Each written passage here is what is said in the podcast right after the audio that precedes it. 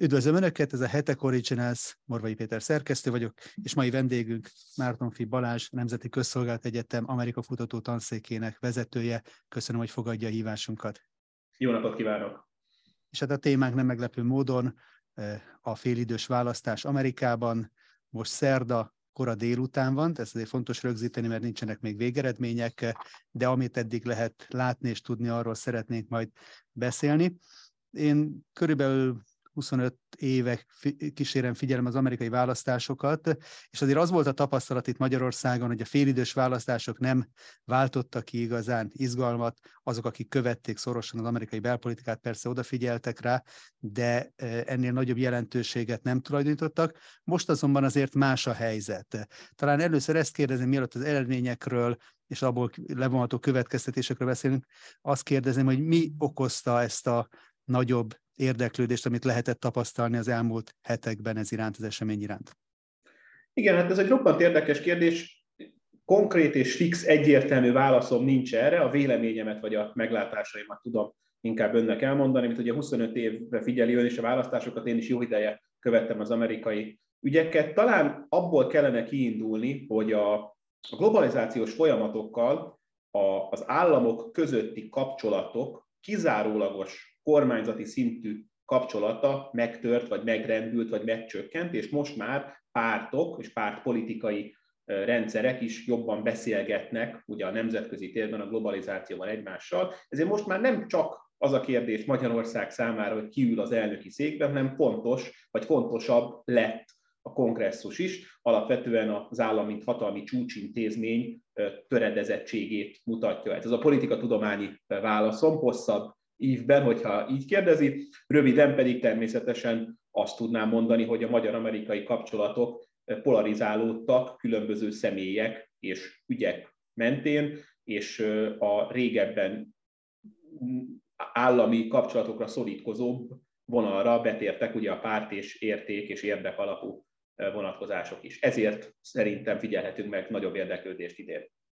És talán még egy dolgot érdemes tisztázni eh, itt a beszélgetés elején, hogy mit is jelentenek ezek a félidős választások. Ugye kicsit csalóka, mert eh, ugye általában az elnökválasztás azt nagyjából tudjuk, hogy, hogy hogyan zajlik és mi dönti el.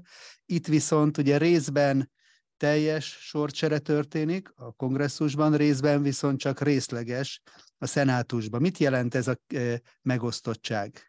És akkor rögtön valószínűleg az előző válaszom értelmet fog nyerni. Ugye alapvetően az elnököket négy évre választják meg az Egyesült Államok állampolgárai, és minden két évben a kongresszus teljes alsóházát újra választják, ez 435 alsóházi képviselőt jelent, és a kongresszus felsőházát, a szenátus egyharmadát is újra választják, mert ők hat éves terminusokra vannak. Tehát azért hívjuk ezt félidős, vagy felező, vagy időközi választásoknak, mert ugyan az elnöki ciklushoz kötött, annak a felénél történik, de pont az elnököt nem választják meg. És az elnök választás évében is ugye a teljes alsóházat és a szenátus egyharmadát újra választják. Ez azért érdekes, mert a, a hatalmi megoszlásokban nagyon gyakran azt gondoljuk, hogy csak az elnök számít, de ez természetesen az Egyesült Államok esetében különösen nincs így, mert nagyon fontos, hogy milyen kongresszussal tud együtt dolgozni, saját pártjához támogató alsó vagy felsőházzal, vagy pedig azzal ellene menő alsó vagy felsőházzal. Tehát ezek az időközi választások, amire ugyan kevesebb amerikai megy el szavazni, mert az elnök nincs téten, nagyon sok minden tét van. És emellett ilyen választásokkor, ugye minden két évente kormányzókat is választanak, idén azt hiszem 36-ot, és rengeteg az államon belüli, tehát mondjuk Ohio-n belüli törvényhozási képviselőket, legfőbb ügyészeket, bírákat, meg hasonlókat is államonként eltérő módon, de a szavazatokon vannak, és még gyakori helyi népszavazások is ugyanazon a nagy választóborítékon vannak. Tehát komplex és sokrétű egy ilyen választás. Ugye akkor áttérve az eredményekre, demokrata egyértelmű túlsúlyjal indultunk neki ennek a választásnak, hogy a legutóbbi szavazáson mind a Fehérház, mind a kongresszusnak a két háza demokrata kezekbe került. A tét most az volt, hogy sikerül ebből a republikánusoknak, ugye az elnök, elnöki szék az nem volt most tét, de a két házban, vagy legalább az egyikben változtatni. Hogyan néz ki most így szerda, kora délután a helyzet? Igen, azt érdemes elmondani, hogy szinte azt figyelhetjük meg az elmúlt 6-8 évben az Egyesült Államokban, hogy pattanásig feszült és polarizálódott az ország, és két egymással nagyon hasonló méretet öltő tábort figyelhetünk meg. Ugye az elnök választásnál is ezt éltük meg, hogy nagyon szoros volt, és amit, amire ön utalt, hogy a demokraták átvették az alsóházban a többséget, de alig egy pár szavazattal, tehát most épp legutóbb csak 220 szavazatuk volt, és 218 kell, tehát csak két extra székük volt, a felsőházban pedig ugye 50-50 megosztásban, paritásban voltak a pártok, ilyenkor a mindenkori alelnök dönt. A várakozás az annyiban érdekes, hogy a történelmi példák azt mutatják, hogy az épp regnáló pá, elnök pártja alapvetően székeket veszít, mind az alsó, mind a felső házban egy ilyen időközi választásokban. Az elmúlt száz évben ez szinte minden esetben előfordult, leginkább is azért, mert a választópolgárok azt mondják, hogy hát két év után jöjjön már más, nézzük már meg, hogy a másik oldal mit csinálna, és ugyan az elnök és a kongresszus között azért van különbség, de az le- leegyszerűsítve így működik. A, azzal indultunk neki, és talán itt a háború, az orosz-ukrán háború elejéig mennék vissza, mert azelőtt annyira más narratívák voltak, meg más események voltak, hogy más időszakot is írhattunk, hogy február 21-e után a, a közélemi kutatások azt mutatták az Egyesült Államokban, hogy a republikánus pártnak nagy esélye van mind az alsó, mind a felső házat vissza, vissza, visszahozni vagy átvenni. Ugye ők, ők alapvetően a visszavételt szokták politikai narratívaként használni, de ezt minden párt így használja, hogy vegyük vissza az alsó vagy a,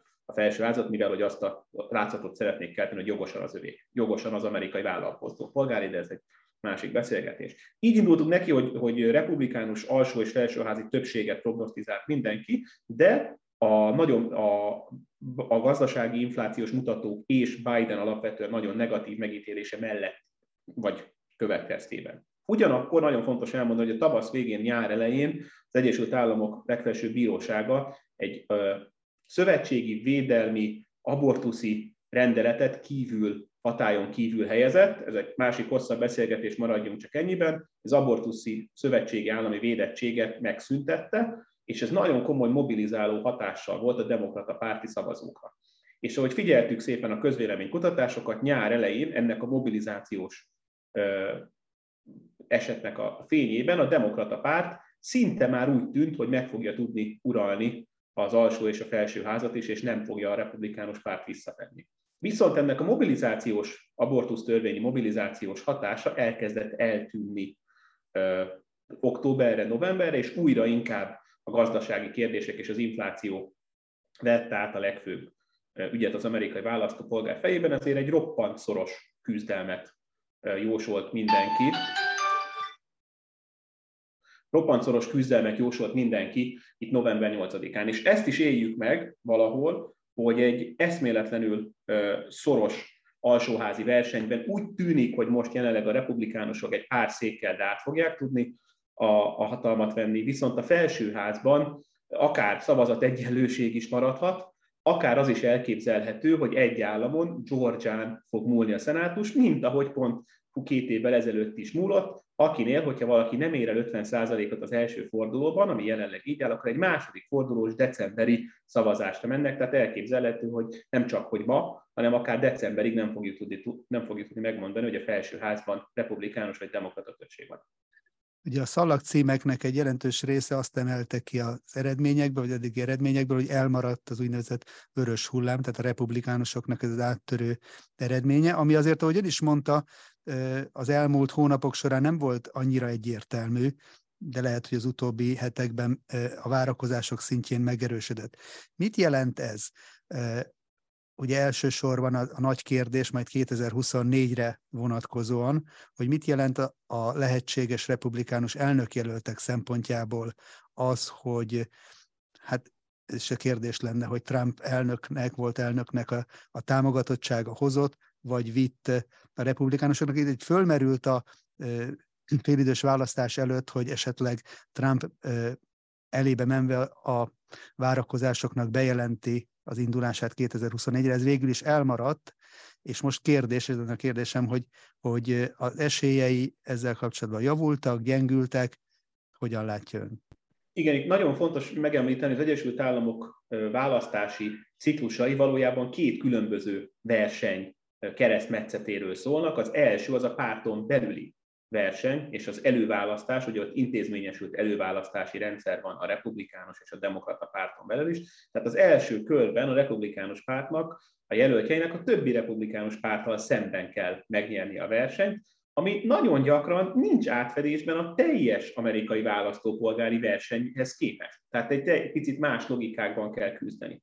Itt most azt láttuk, és, hogy Trump elnök alapvetően a két évvel később, vagy jövőre két év múlva való elnöki pályázatát készíti elő, azzal, hogy a republikánus előválasztásokon, tehát hogy melyik republikánus szenátor tudjon Ohio-ban indulni például, nyíltan kiáll egyes republikánus jelöltök mellett, és megpróbálja megbuktatni a nem Trump párti, vagy nem Trump által úgynevezett endorsement, tehát politikai támogatottságot kinyilvánítást tett jelöltöket. És ebben a dologban sikeres volt Donald Trump, mert a jelöltek, republikánus jelöltek lassan négy-ötöde Trump. A trumpista az nagyon egyszerűsített szó, de most, hogyha nem megyünk be részletekbe, hívjuk trumpistának.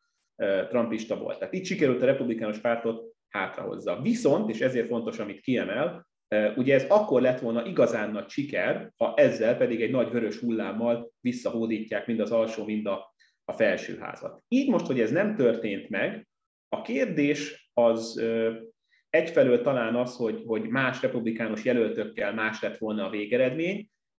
Ez, ez egy nagyon érdekes kérdés. Szerintem, hogyha azt feltételezzük, hogy nem lett volna más végeredmény, akkor le tudunk vonni egy-két következtetést, de Trump elnök mozgástere első blikre úgy tűnik, hogy szűkült, mert amit beígérni szeretett volna, az legalábbis nem teljesült.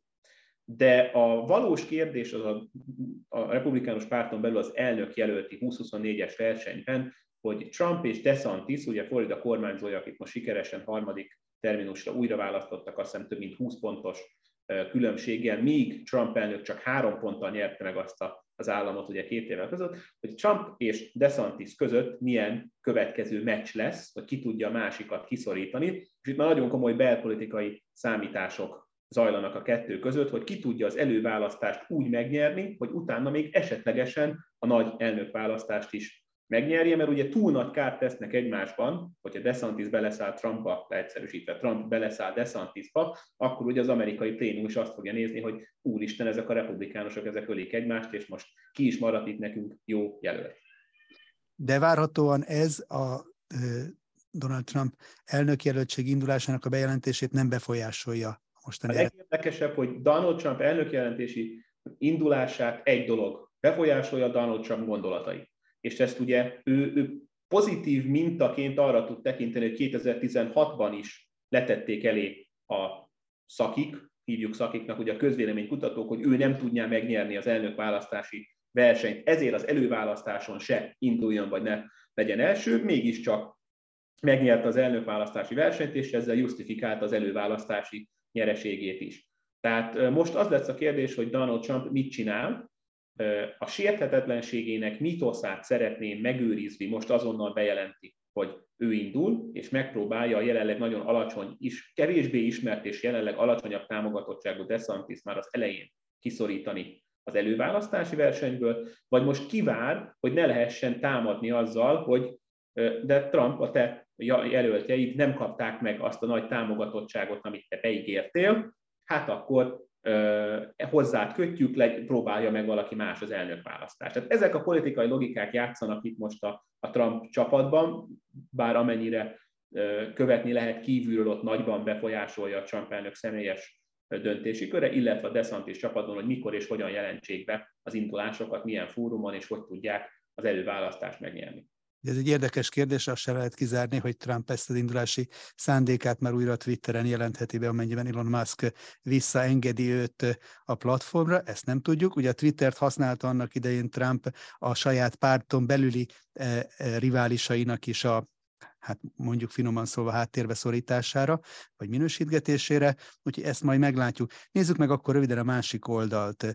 Ugye ott is azért komoly dilemmák vannak, Joe Biden nek nem csak az életkora, hanem a támogatottsága is aggasztó lehet a demokrata stratégák számára. Ugye 41-42 százalékos támogatottsággal bírt most a választás előtt. Ehhez képest egyébként úgy tűnik, hogy az eredmények a demokratáknak azért megkönnyebbülést okozhattak, nem? Hát a legérdekesebb hogy az Egyesült Államokban gyakran áll fenn olyan választási logika, hogy egy adott államban ugyanaz a választópolgári gárta megválaszt egy republikánus kormányzót, egy demokrata szenátort, egy republikánus alsóházi jelöltet és egy demokrata tagállami törvényhozót. Tehát érdekes módon a személyek és a személyekhez kötődő politikai figyelem nincs teljesen százszázalékos átfedésbe a párttal. Sőt, ugye ilyen eredmények fényében egyértelműen azt tudjuk mondani, hogy a, a párt szimpátiát néha, esetenként bizonyos választóknál felülírja az egyén és a lokális érdekek, helyi érdekek vonalán. Itt a republikánus párt a narratívájukat országos szinten, ebben az egész félidős választásban arra tették fel, hogy Biden elnök támogatottságának hiánya és az általuk botrányosnak minősített elmúlt két éves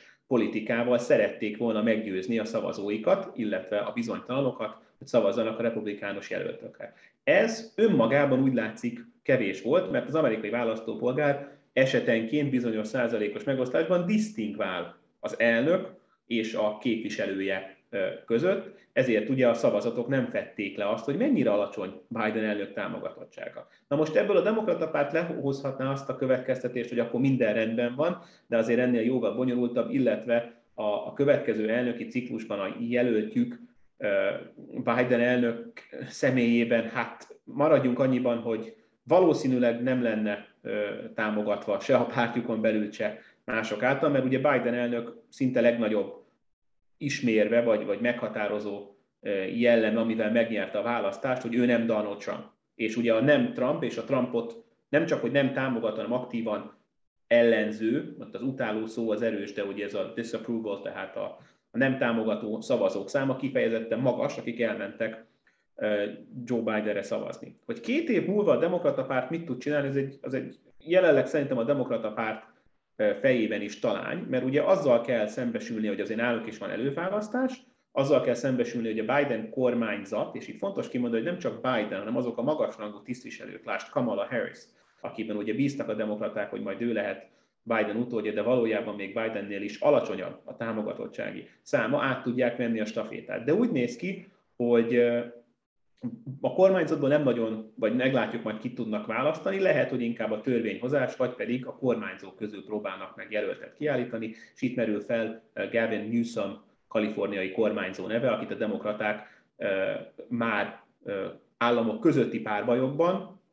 Greg Abbott texasi kormányzóval és Ron DeSantis floridai kormányzóval vívott idézőjeles párbajokban már leteszteltek, és lehet egy, egy olyan hiteles kép, aki nincs a Biden adminisztráció vélt vagy valós hibáival megfertőzve, és ezt is ugye idézőjelben mondom. Elegendő lehet egyébként most bárki számára a hátralévő két év, hogy fölépítsék versenyképes országos jelöltként? Hát azt kell mondjam, hogy, hogy két év hosszú idő a politikában, az Egyesült Államok politikájában is.